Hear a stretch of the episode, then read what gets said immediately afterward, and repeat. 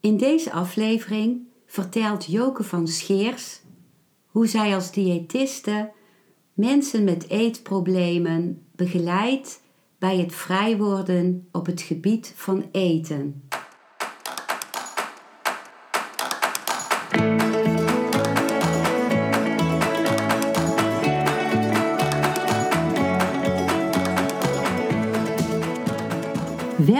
Bij een nieuwe aflevering van Modita's podcast Van Pijn naar Zijn. De podcast waarin ik je meeneem voorbij de pijn in je leven naar wie je diep van binnen bent. Hoe kun je beter omgaan met je gevoelens? Hoe vind je rust in je hoofd? Wat zit er precies achter je pijn? En vooral, hoe kun je steeds meer jezelf zijn? Adem eens diep in en uit. Ik wens je veel luisterplezier.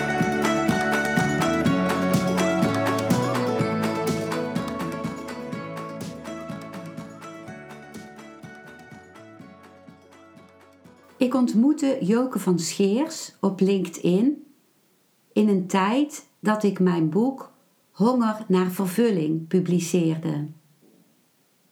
Een boek dat gaat over de oorzaken en bevrijding van eetproblemen. Het sprak me aan hoe Joke op LinkedIn vertelde over de praktijk die zij samen met therapeute Mirjam Koops had opgezet.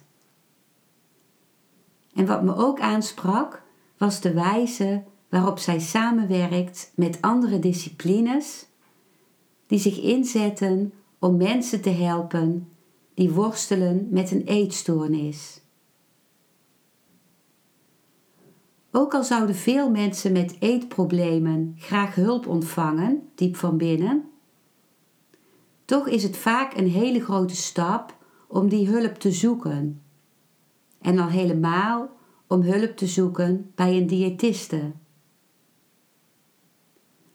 Daarom ben ik zo blij Joke te mogen ontvangen in mijn podcast. Omdat zij, wat zij vertelt, de misverstanden over wat een diëtiste doet in de begeleiding van iemand met een eetstoornis wegneemt.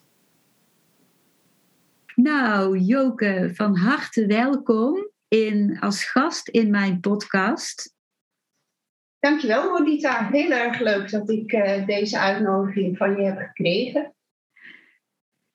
Joke, uh, zou jij jezelf misschien kort voor kunnen stellen? Jazeker. Nou, mijn naam is Joke van Scheers. Ik uh, werk sinds schrik niet 1975 als diëtist. En heb nou al heel snel, nadat ik in het werkveld kwam, gespecialiseerd in eetstoornissen. En nog altijd werk ik met heel veel plezier binnen de praktijk. Wauw, wat mooi. Wat een rijke ervaring uh, heb je, Joke.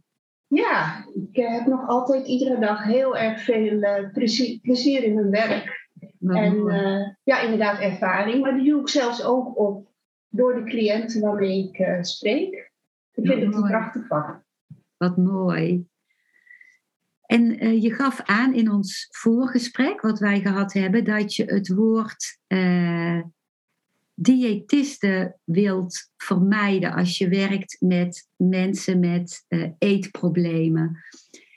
En dat het werk dat jij doet, geen, met mensen met eetproblemen, geen diëtiek, maar voedingsbegeleiding is. Kun je daar iets over zeggen? Ja, ik zelf vind het woord uh, diëtist uh, heel erg streng klinken. Het uh, klinkt van, het is iemand die mij gaat vertellen wat ik wel of niet zou mogen of moeten eten.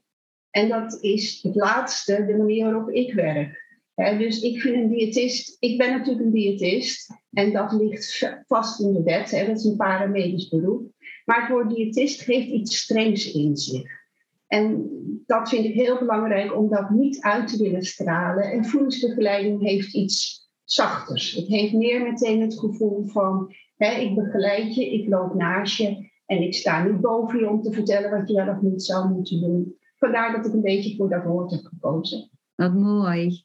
Ja, ik zou mezelf dan ook veel eh, meer aangesproken voelen, zeg maar, uh, op het moment dat ik in het verleden de eetproblemen had. Mhm. ja. ja.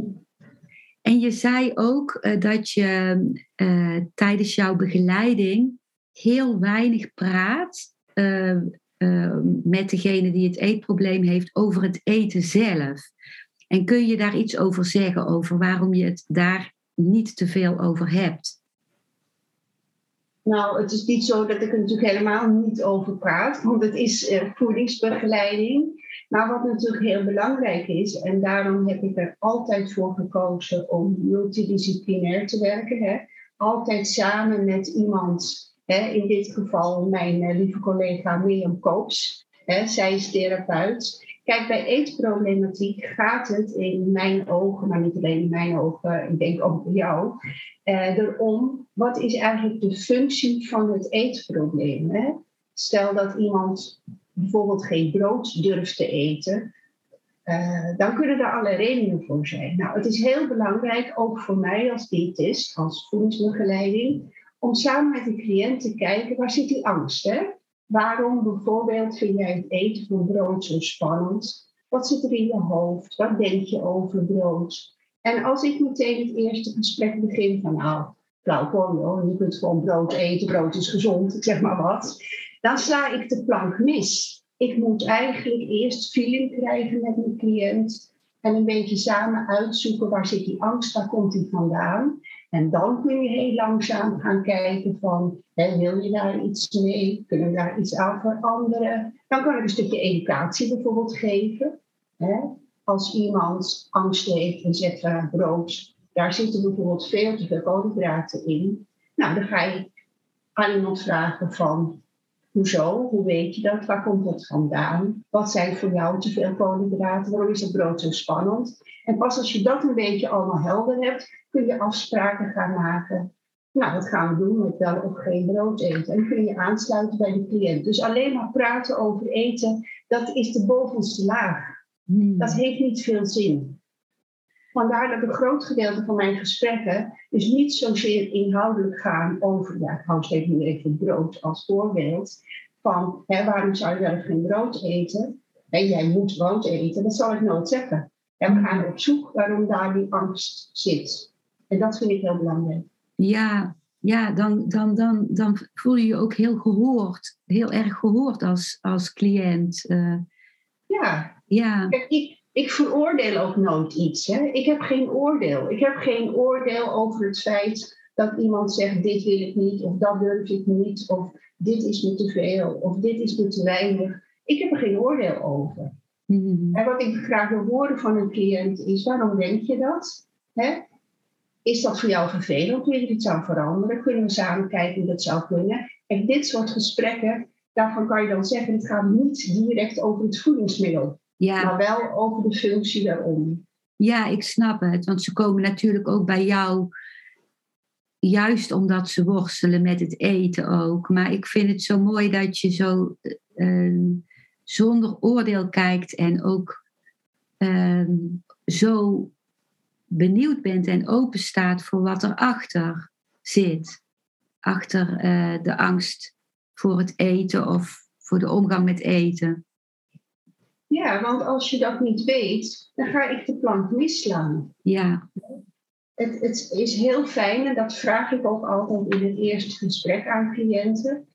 Uh, hoe opener en eerlijker we er samen over kunnen praten, hoe beter ik bij jou kan aansluiten. Hmm. Dus ik vraag mensen ook van, en dan realiseer ik me dat dat in het eerste gesprek allemaal niet zo makkelijk is. Hè. We moeten ook een vertrouwensband opbouwen.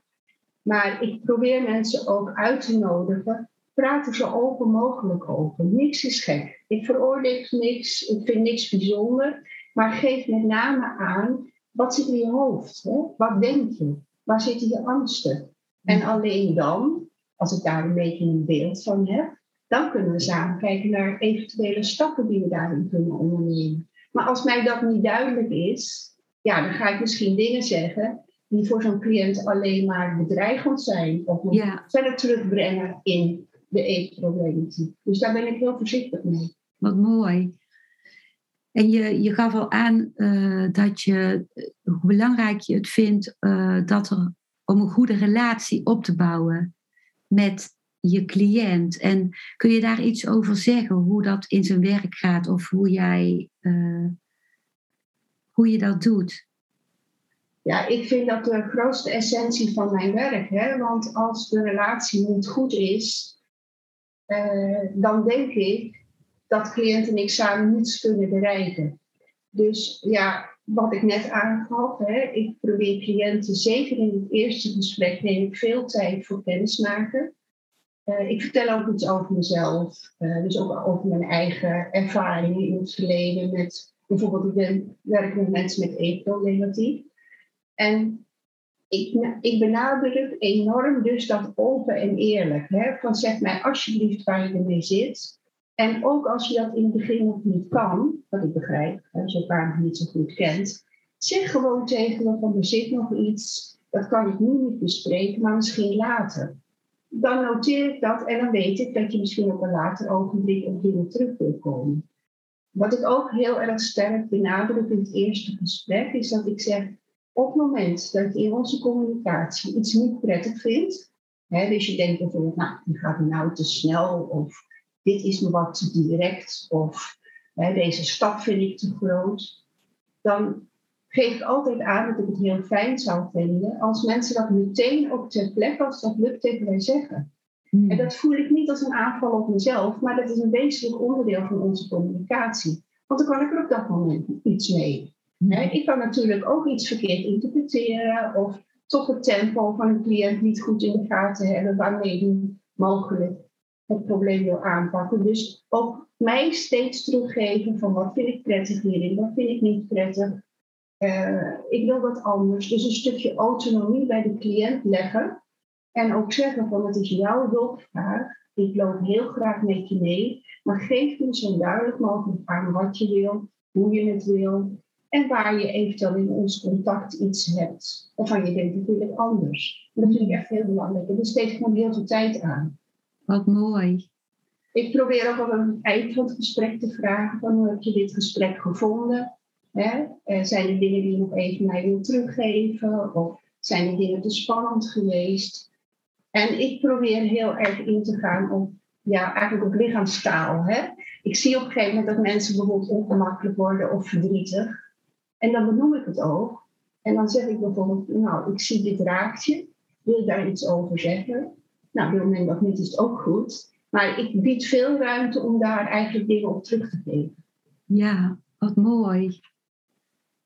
Ik denk dat veel mensen met eetproblemen ook uh, benieuwd zijn of jij zelf in het verleden een eetprobleem hebt gehad. Nou, dan zeg ik altijd gelukkig niet. en ik zeg dat ook in het eerste gesprek omdat uh, mensen natuurlijk heel graag aftasten van nou, hè, hoe sta je daar zelf in? Heb je daar ervaring mee? En ik ken de kracht van ervaringsdeskundigheid. Ik heb dus ook een tijd gewerkt voor een gespecialiseerde instelling voor mensen met eetproblematiek. Daar werd veel gewerkt met ervaringsprofessionals, ervaringsdeskundigen.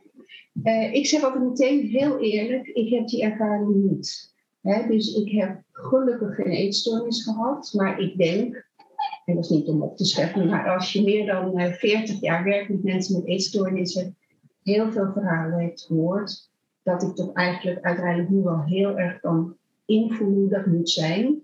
En dat lijkt me echt heel zwaar om met die problematiek te moeten leven. Maar ik heb het zelf dus niet meegemaakt. Ja, en, en wat, wat heeft uh, gemaakt, uh, Joke, dat jij wilde gaan werken met mensen met eetproblemen als diëtiste? Nou, eigenlijk gaat dat al helemaal terug naar uh, de keuze die ik moest maken aan het eind van de middelbare school voor mijn beroep. Ik wilde psychologie studeren, dus ik was erg geïnteresseerd in die kant men vond men mij daar toen een beetje te doen voor. En er werd gezegd, ga eerst even iets anders doen, yoga, want dit is een zware studie en doe eerst wat anders. Nou, braaf als ik was, ging ik eerst iets anders doen. En dacht ik, ik ga één of twee jaar diëtetiek studeren.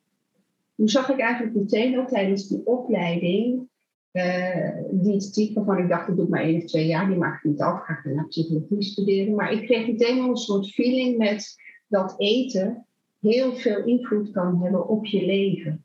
Dus ik dacht, ik maak gewoon die opleiding voeding en diëtetiek af. En dan ga ik daarna psychologie studeren. Nou, dat laatste is er om allerlei redenen niet van gekomen. Maar ik heb eigenlijk altijd een interesse gehad aan die kant. En ja, wat ik zo fijn vind, is, al is het maar een heel klein beetje, om te kunnen bijdragen aan die lijdensdruk. En die wat te verlichten voor mensen met eetproblematiek. Want dat is natuurlijk heel zwaar. Dus ik vind het een doelgroep, wat voor ons als diëtist misschien niet eens zo makkelijk is. Maar ik vind het wel een uitdaging en ik vind het ook ja, heel veel bevrediging geven als ik merk dat mensen toch iets hebben aan de gesprekken. En ik daar ook maar iets aan kan bijdragen. Omdat het zo'n alles overheersende problematiek is. Ja. En natuurlijk, als je suikerziekte hebt, is dat ook verschrikkelijk. Moet je ook mee leren leven. Is ook een deel wat je leven beïnvloedt. Maar meer die psychische kant hiervan, de functies van de eetstoornis, hoe dat een mens zo uit evenwicht kan brengen, ja, dat heeft me altijd heel erg geïnteresseerd. Dus ik daar de feeling opgebouwd. Wat mooi, ook dat dat, dat dat zo in je leven bij elkaar is gekomen, die, die drive of, voor of de, de, die passie voor psychologie en voor dat je meteen zo'n zo'n niche of zo'n zo'n specialisatie in bent gegaan uh, hiermee. Nou, dat ben ik niet direct, hè, want ik heb eerst tien jaar in een ziekenhuis gewerkt om algemene ervaring op te doen. Mhm. En uh, die specialisatie ben ik eigenlijk gaan ontwikkelen toen ik mijn eigen praktijk heb gestart, na ongeveer tien jaar ziekenhuis. Mhm. En uh, ja, toen heb ik eigenlijk ook in die tijd meer scholing gevolgd op het gebied van psychologie, uh, gesprekstechniek, ik heb nog mijn ACT-opleiding en dat soort dingen gedaan. Nog meer dan op het gebied van voeding. Ja, en ik denk ook, ik, uh, ik vind het ook heel fijn om eerst wat algemene ervaring op te hebben gedaan, zodat je eigenlijk in je eigen vak je relatief zeker voelde, hè, als het ging om de voedingsadviezen. En daarna die specialisatie heb gekozen, want ja, het is en blijft ook wel een doelgroep waarbij het best nodig is dat je wat ervaring hebt. Ja. En ehm, daar zitten zoveel aspecten aan. Ik had het niet gekund direct vanaf de opleiding diëtetiek. Nee. Ik ben overtuigd. Ik begrijp het, want ook vanuit jouw expertise uh, weet jij ook heel goed wanneer mensen bij andere deskundigen uit jouw netwerk ja. zijn. Hè? Ja, dat klopt. Ja. En dat is ook, uh, daarom vind ik het zo fijn om de laatste jaren echt heel multidisciplinair te hebben kunnen werken. Helemaal in het begin had ik mijn eigen praktijk, echt alleen als diëtist. En ik moest altijd op zoek naar, uh, is er een psycholoog in de omgeving die ook mijn cliënt kan zien? Of kan ik de cliënt via de huisarts naar een psychiater verwijzen? Het was altijd een zoektocht. En met name toen ik uh, deze uh, jaren ook bij uh, de GGZ-instelling heb gewerkt en wij in een groot team zaten, dat vond ik zo ontzaglijk fijn werken, omdat je dan allemaal zo je eigen expertise hebt, maar wel heel erg intensief samenwerkt, waardoor de eigenlijk behandelaanbod voor zo'n cliënt heel optimaal is. En dat doe ik dus nu in deze praktijk ook met Mirjam. Hè. Zij is therapeut de kunst blijft wel om te bewaken waar je eigen grenzen liggen als professional. Hè? Mm kijk, ik ben geen psycholoog. Ik denk mm dat ik veel ervaring met dingen heb en dat ik redelijk ver met mensen kan komen. Maar stel dat er bijvoorbeeld sprake is van een trauma, hè, bijvoorbeeld.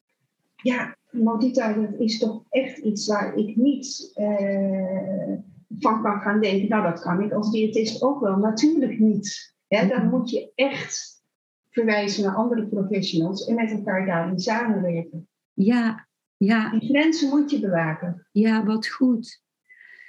En wat ik ook zo bijzonder vond in ons voorgesprek was wat jij vertelde over de acceptatie- en commitment therapie. Kun je iets vertellen over deze therapievorm en wat die biedt aan mensen met eetproblemen, hoe jij daarmee werkt? Ja, ik heb een paar jaar geleden opleiding gedaan van deze therapievorm. Uh, en ik leg, als ik er met cliënten over praat, dan leg ik het wel eens als volgt uit.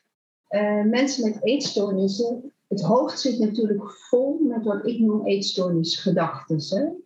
Er zijn allerlei oordelen over eten, over gewicht, over lichaamsuiterlijk, over beweging. Dat hoofd zit vol.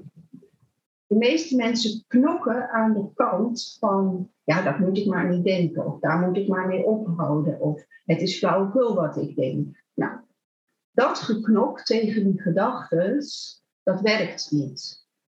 Ik uh, geef vaak het hele bekende voorbeeld van de roze olifant.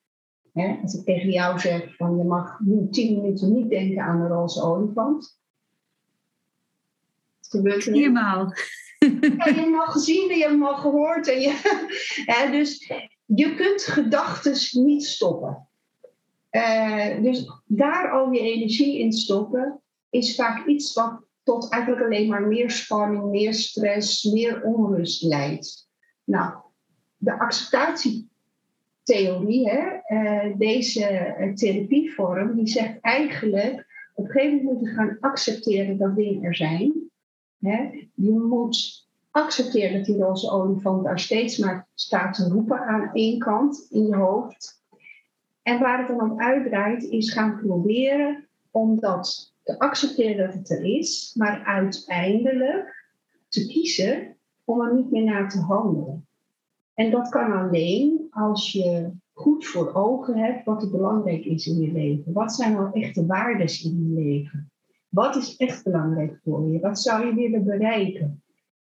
Als je die kant sterker gaat ontwikkelen en beter weet van nou, hè, hier ligt mijn uiteindelijke doel, zo wil ik gaan leven, dan kun je gaan proberen om die gedachten te laten bestaan, want je kunt ze niet uitroeien, maar toch uiteindelijk er niet meer naar te handelen. Maar dan ga je handelen naar datgene wat je wel wilt. Stel bijvoorbeeld, uh, nou, bijvoorbeeld een leuk voorbeeld. Ik had vorige week een cliënt en die vertelde mij van nou, wat zou ik het toch geweldig vinden, een waarde. En deze zomer is spontaan met een groepje vriendinnen op een terrasje ook een wijntje te kunnen nemen en een schaaltje zoutjes erbij te kunnen bestellen. Wat zou ik dat geweldig vinden? Nou, nu in haar hoofd roept die roze olifant, zal ik maar zeggen, constant van dat mag jij niet, uh, dat zit er voor jou niet in, jij bent te zwaar, uh, dat is ongezond. Zij heeft wel kunnen bedenken van nou dat zou mijn grote wens zijn. En dan gaan we er naartoe werken. En dan gaan we dus proberen om te zeggen oké, uh, we gaan die roze olifant een beetje proberen tot bedaren te brengen. Die gedachten blijven. Maar we gaan eigenlijk dat proberen om te vormen, zodat je straks, misschien in de zomer, toch een keer kan voldoen aan je grote waarde, aan je grote wens. En al neem je maar twee slokjes wijn. En al neem je maar een halfje. Dat maakt me niet uit. Maar dan is de eerste stap richting de waarde, richting het doel is genomen. En hoe meer mensen hier ervaring mee krijgen en positieve ervaring, ik noem het ook wel uitdagingen, hè, dat kan ze stimuleren om daarmee door te gaan. Dus het slokje wijn wordt misschien dan twee en de chickie wordt misschien één. En zo kom je steeds meer naar datgene waar je grote wens ligt. En dat vind ik een hele fijne methode. Wauw, wat mooi. Het is ook een heel fijn beeld dat je denkt, oh ja, dat hoort bij de roze olifant, die staat aan die kant van mij. En aan die kant staan mijn wensen. En ik kan kijken waar ik mijn aandacht op wil richten. ja. En het moeilijke is wel dat mensen uh, soms die uh, waardes en dat doel weer uit het oog verliezen, omdat er dingen gebeuren. Hè? Als je natuurlijk dan weer overroeld wordt door stress of er is iets anders aan de hand, dan is het heel moeilijk om weer te denken aan die waardes, aan die doelen. Nou, mhm. dan maak je bijvoorbeeld met mensen daar schema's op, ik laat mensen opschrijven of ik laat van dingen foto's bijvoorbeeld maken. Ik laat bijvoorbeeld een foto maken van Hè, wij spreken die twee slokjes uh, wijn in een klein glaasje met het ene chipje ernaast. En als op het moment dat mensen weer daaruit dreigen te raken, terug dreigen te vallen, nou dan maak ik ook de afspraak, kijk dan eens naar die foto. Kun je dan weer boven halen waarmee je eigenlijk bezig bent. En dat is een beetje wat jij misschien aan het begin vroeg. Het lijkt dus alsof mijn gesprekken niet over eten gaan. Maar mm. uiteindelijk is wel het doel dat mensen vrij worden in eten. Mm, ja. Want dat is het uiteindelijke doel. Vrij worden in eten, eten naar eetlust, verzadiging, behoeften. En de regels, de roze olifanten, eigenlijk nog wel horen, maar er niet mee naar handelen. Wauw, wat klinkt dat uh, mooi, vrij worden in eten. Ja, dat, dat, dat, dat is al uh, zo'n mooi uh, beeld wat ik daarbij krijg. Ja, een beeld wat gekoppeld is aan gevoel, vrijheid. Ja, ja wat mooi. Want daar zit natuurlijk de lijdensdruk. Hè? Mensen voelen alsof ze in een gevangenis zitten. Hè? Ja.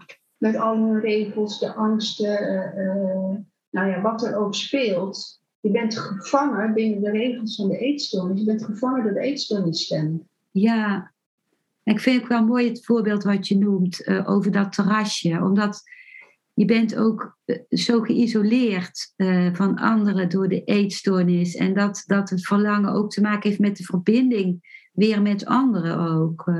Eten is eigenlijk een heel sociaal gebeuren. Ja, het is. Kijk, dieren in de natuur die eten op hun instinct. Hè? Die eten eigenlijk heel instinctmatig datgene wat goed voor ze is. Dat weten ze. Hè? Dat, dat zoeken ze. En ik zeg ook vaak tegen cliënten, tenzij er een voedselgebrek is in de natuur, maar je ziet geen dikke of dunne leeuwen. Je ziet geen uh, slangen met overgewicht. Je ziet geen uh, olifanten met ondergewicht. Dieren regelen dat heel instinctief. Nou, ergens hebben wij dat instinct ook. Hè? Want als wij worden geboren, dan hebben we een heel sterk instinct. Het eerste wat een kindje doet, is eigenlijk op zoek naar de tepel van de moeder.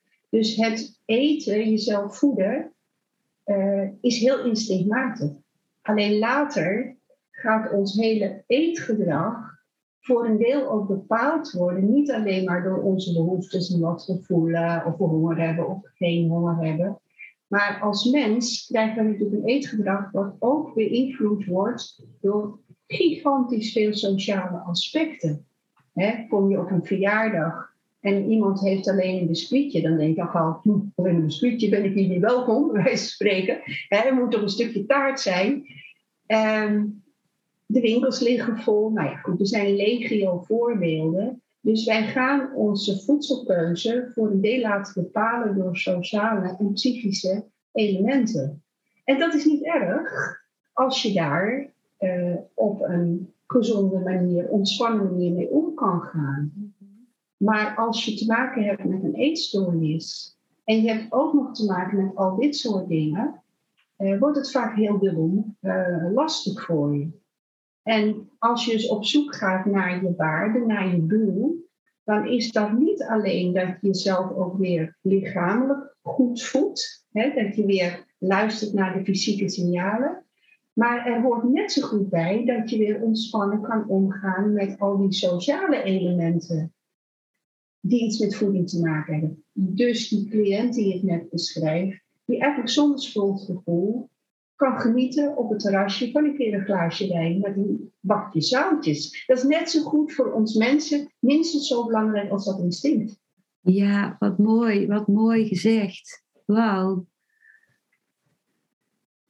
En Joke, jij hebt uh, nu samen met uh, Mirjam Koops, uh, beeldend therapeute, een praktijk opgezet. En die praktijk heet It's My, my Life. Ja. It's My Life. Kun je iets vertellen over de naam van jullie praktijk? En, uh, en ook over hoe jullie met elkaar samenwerken om mensen, je hebt er al iets over gezegd, om mensen met eetproblemen te begeleiden. Ja, nou leuk dat je dat vraagt, Modita, hoe die naam tot stand is gekomen. Daar hebben we best lang over gedacht.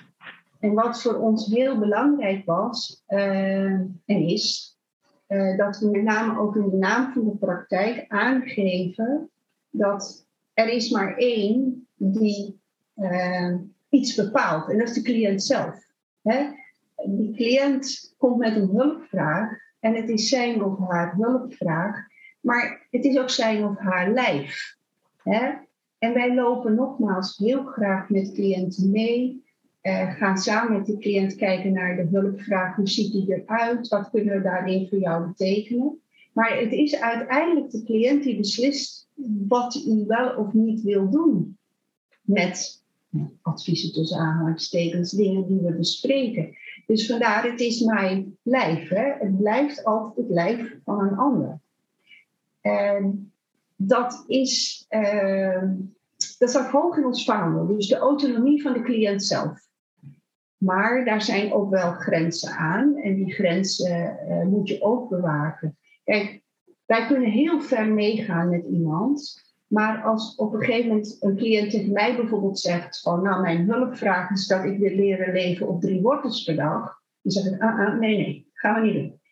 Dus op een gegeven moment moet ik ook een grens kunnen stellen aan wanneer wil en kan ik nog met jou meelopen. Of zijn toch uh, jouw vragen of jouw vraag om hulp dusdanig dat we daarmee de eetstoornis voeden. Dus daar is een grens aan. Maar wij vinden de autonomie, de regie van de cliënt zelf, voorop staan. Dat is centraal. Vandaar It's My Lab.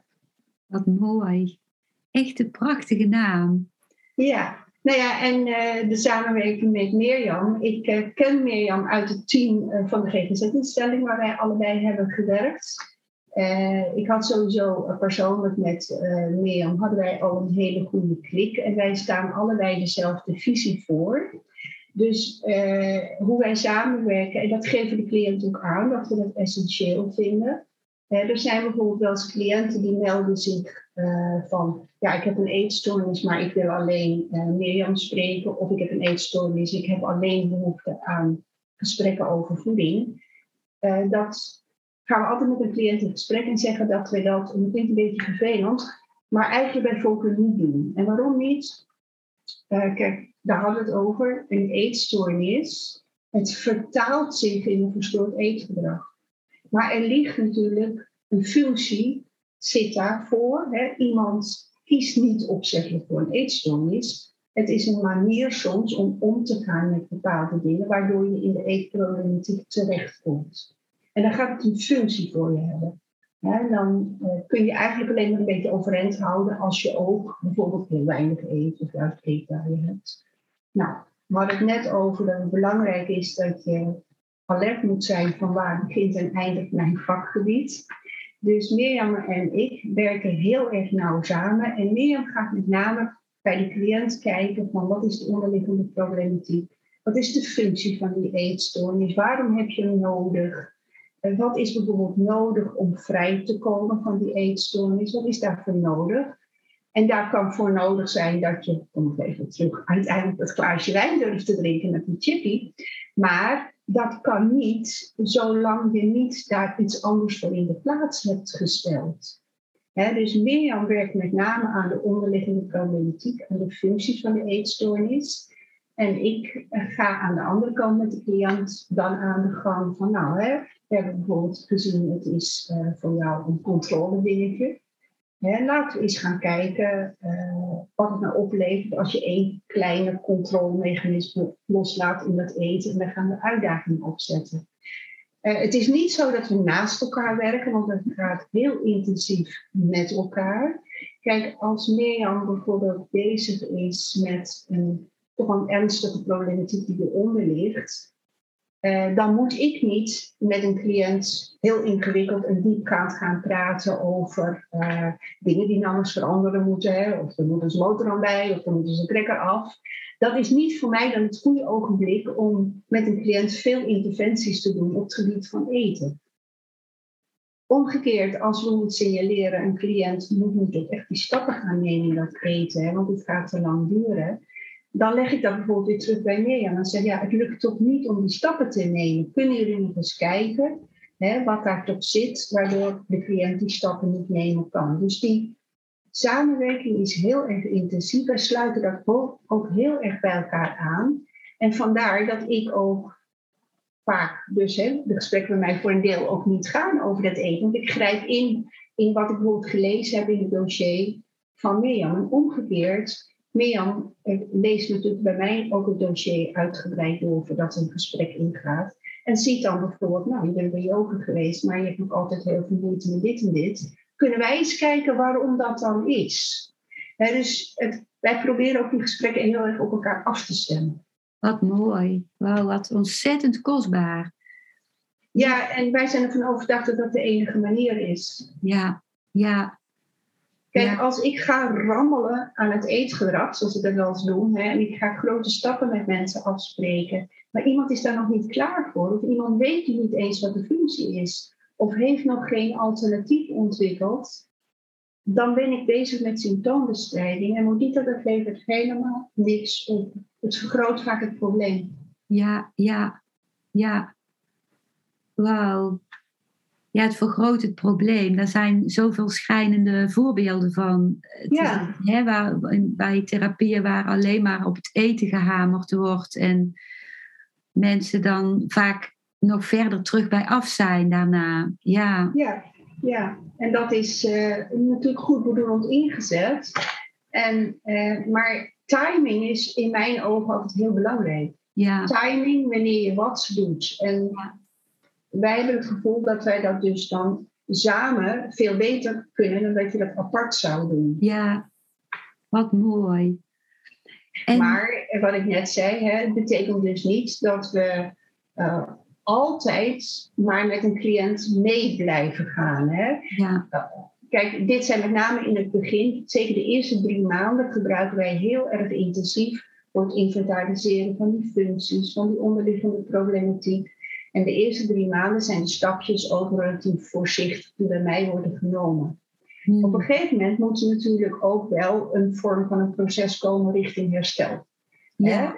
En dan kom je in een fase dat we um, mogelijk iets meer gaan ingrijpen. Niet altijd, maar dan gaan we bijvoorbeeld met de cliënt bespreken, ja, is het nou vermijding of wil je echt? Of uh, wil je dit nu echt doorzetten op dit moment in je leven? Dus op een gegeven moment, hè, als dingen in kaart zijn gebracht, dan moet er ook wel een vorm van een proces in gang gezet worden. Het is niet oké om een jaar, anderhalf jaar te praten over onderliggende problematiek of functies. En want dan is er iets anders wat een cliënt blokkeert om stappen te nemen. Ja. En er kunnen natuurlijk somatische situaties ontstaan dat we daar verantwoording mee nemen. Hè? Stel op mijn vakgebied iemand heeft al ondergewicht en blijft afvallen, dan is het somatisch onverantwoord op een gegeven moment. Met name omdat wij toch een relatief wat kleinere setting hebben met z'n tweeën. Uh, maar dan ga ik bijvoorbeeld in overleg met de cliënt uh, contact opnemen met de huisarts en zeggen van ja, ik wil nu wel dat er een somatische controle op zit en komt en blijft, want het moet wel verantwoord blijven. Ja, ja ik begrijp. En dus er zijn wel grenzen aan onze ja, mildheid, aan ons ja. meegaan met cliënten.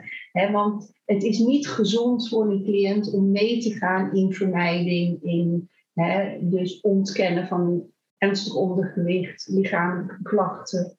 En mensen zeggen dan vaak tegen mij, ik heb altijd heel koud. Nou ja, ben ik aan gewend. Of ja, ik heb steeds gevoel ik flauw van. Nou ja, daar ben ik wel aan gewend. Mm. Kijk, dat, ik ben er al aan gewend, daar gaan we wel over in gesprek. Ja, ja, ik snap het. En uh, Joko, kunnen ook ouders van mensen met eetproblemen bij jullie terecht over wat zij kunnen doen om hun kind te begeleiden bij het eetprobleem? Ja, dat is natuurlijk een hele goede vraag. Uh, uh, sowieso uh, zijn we natuurlijk altijd bereid om met ouders te praten. Soms komen ouders ook mee naar een intake of naar een evaluatiegesprek. Ehm, en vaak is ook de problematiek voor ouders is natuurlijk heel zwaar. En die hebben misschien zelf ook een stukje steun nodig. En daarom hebben wij ja, toch een aardig netwerk ook met mensen die weer wat meer gespecialiseerd zijn in het werken met ouders van mensen of andere naasten. Hè, want het hoeft niet alleen een ouder te zijn, kan ook een partner zijn van iemand met een eetstoornis. Zodat er ook uh, eventueel een expertise ingezet kan worden door professionals die daar weer wat meer in zijn gespecialiseerd dan wij. Kijk, eenvoudigere vragen of dingen kunnen wij vaak zelf wel oplossen. Maar als er echt systemische problematiek is, zou bijvoorbeeld de gesprekken bij een systeemtherapeut ondersteunend kunnen zijn. Ja. Uh, we hebben ook wel contact met iemand die zelf een ervaring heeft met uh, een dochter met eetstoornissen. Hè, die werkt specifiek met de naasten van mensen met eetproblematiek. En ook hier, ja, dat is een saai verhaal, geldt weer, je moet die grenzen kennen van je eigen vak. En ik vind het dan heel fijn om eventueel mensen te attenderen op mogelijkheden ja, bij uh, anderen die hierin gespecialiseerd zijn. Ja, wauw. Wat mooi weer, jullie netwerk, hè? dat is zo kostbaar. Ja, belangrijk. Ja. ja. En uh, waar zitten jullie ergens in het land? Wij zitten in Zandam. Zandam, oké. Okay. Niet in de molen hoor. Niet in een molen, terwijl jullie Niet in een hele mooie molen draaiend houden. Uh, ja. Jullie ja. En uh, hoe kunnen mensen jullie bereiken? Nou, mensen kunnen ons uh, bereiken via de website. Uh, daar staan uh, mailadressen op. Een mailadres, een algemeen mailadres. Er staat een mailadres op van Mirjam en een mailadres van mij. En ze kunnen ons ook telefonisch bereiken. En ook die staan vermeld op onze website. Oké, en die website die, ga, die, die heb ik vermeld in de beschrijving onder deze podcastaflevering. En uh, werken jullie ook online met mensen of liever niet? Uh, daar hebben we natuurlijk allemaal ervaring op gedaan in de coronacrisis. Um, mijn voorkeur gaat uit naar face-to-face. Ja. Om heel veel redenen. En dat geldt ook voor cliënten. Maar soms zijn er uh, situaties waarin online een goed alternatief zou kunnen zijn.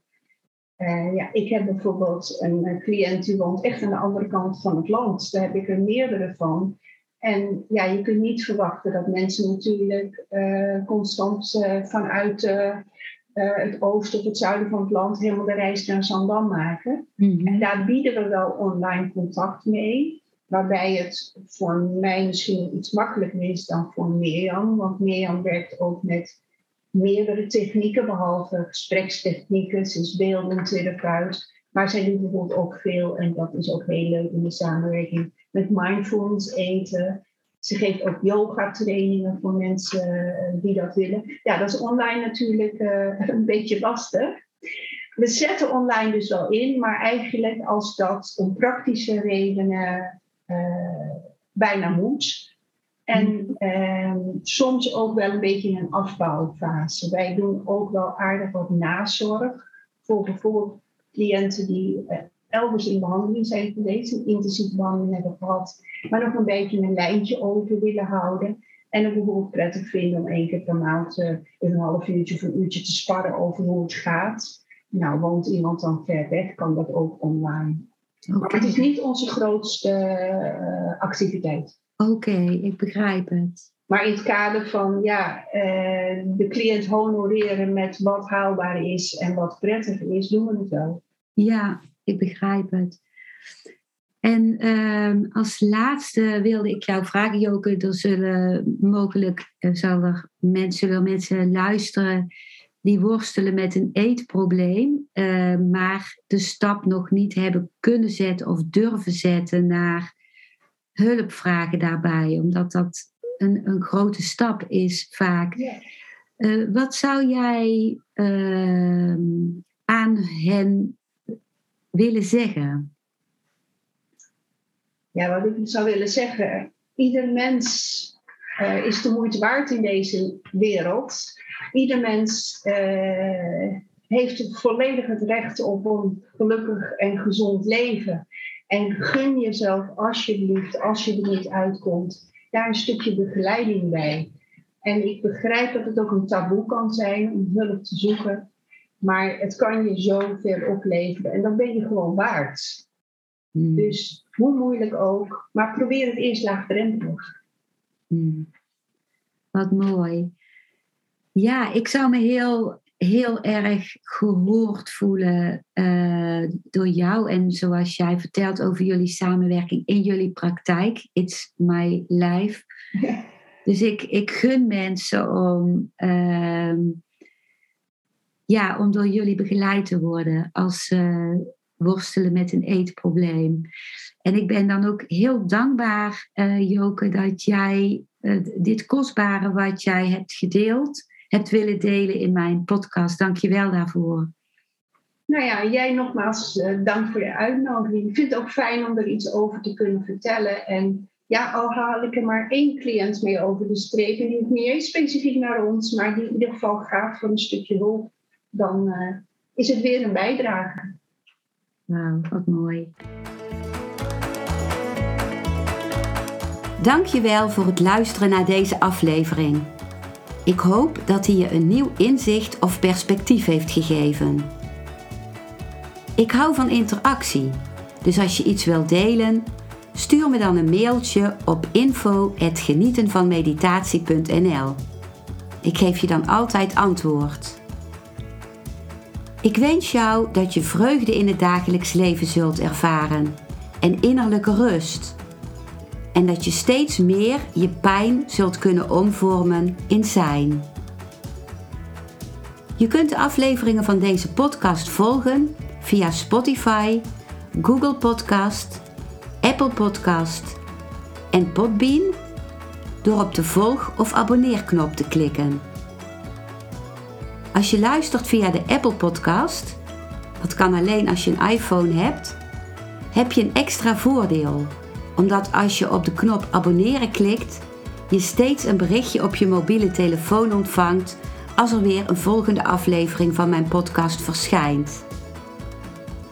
Je bent van harte welkom bij die volgende aflevering.